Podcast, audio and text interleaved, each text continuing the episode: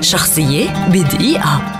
فيكتور إيغو هو أديب وشاعر وروائي فرنسي ولد في فرنسا عام 1802 ويعتبر من أبرز أدباء فرنسا في الحقبة الرومانسية التي كان أهم رموزها على الإطلاق وترجمت أعماله إلى أغلب اللغات المنطوقة. اشتهر إيغو في فرنسا باعتباره شاعرا في المقام الأول ثم راو.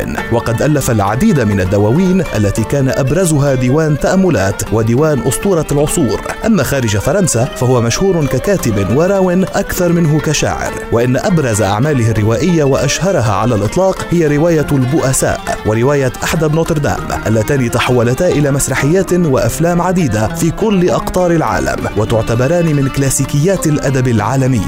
ولكونه كاتبا غزير الإنتاج صار إيغو أحد أبرز الشخصيات الأدبية في فرنسا بحلول عام 1840 في عام 1841 تم انتخابه عضوا بالأكاديمية الفرنسية الأدبية وترشيحه لمجلس النبلاء في عام 1845 توفي إيغو عام 1885 عن عمر يناهز 83 عاما. ودفن في مقبرة العظماء وقد تم تكريم ذكراه بعدة طرق. منها أن تم وضع صورته على الفرنك الفرنسي.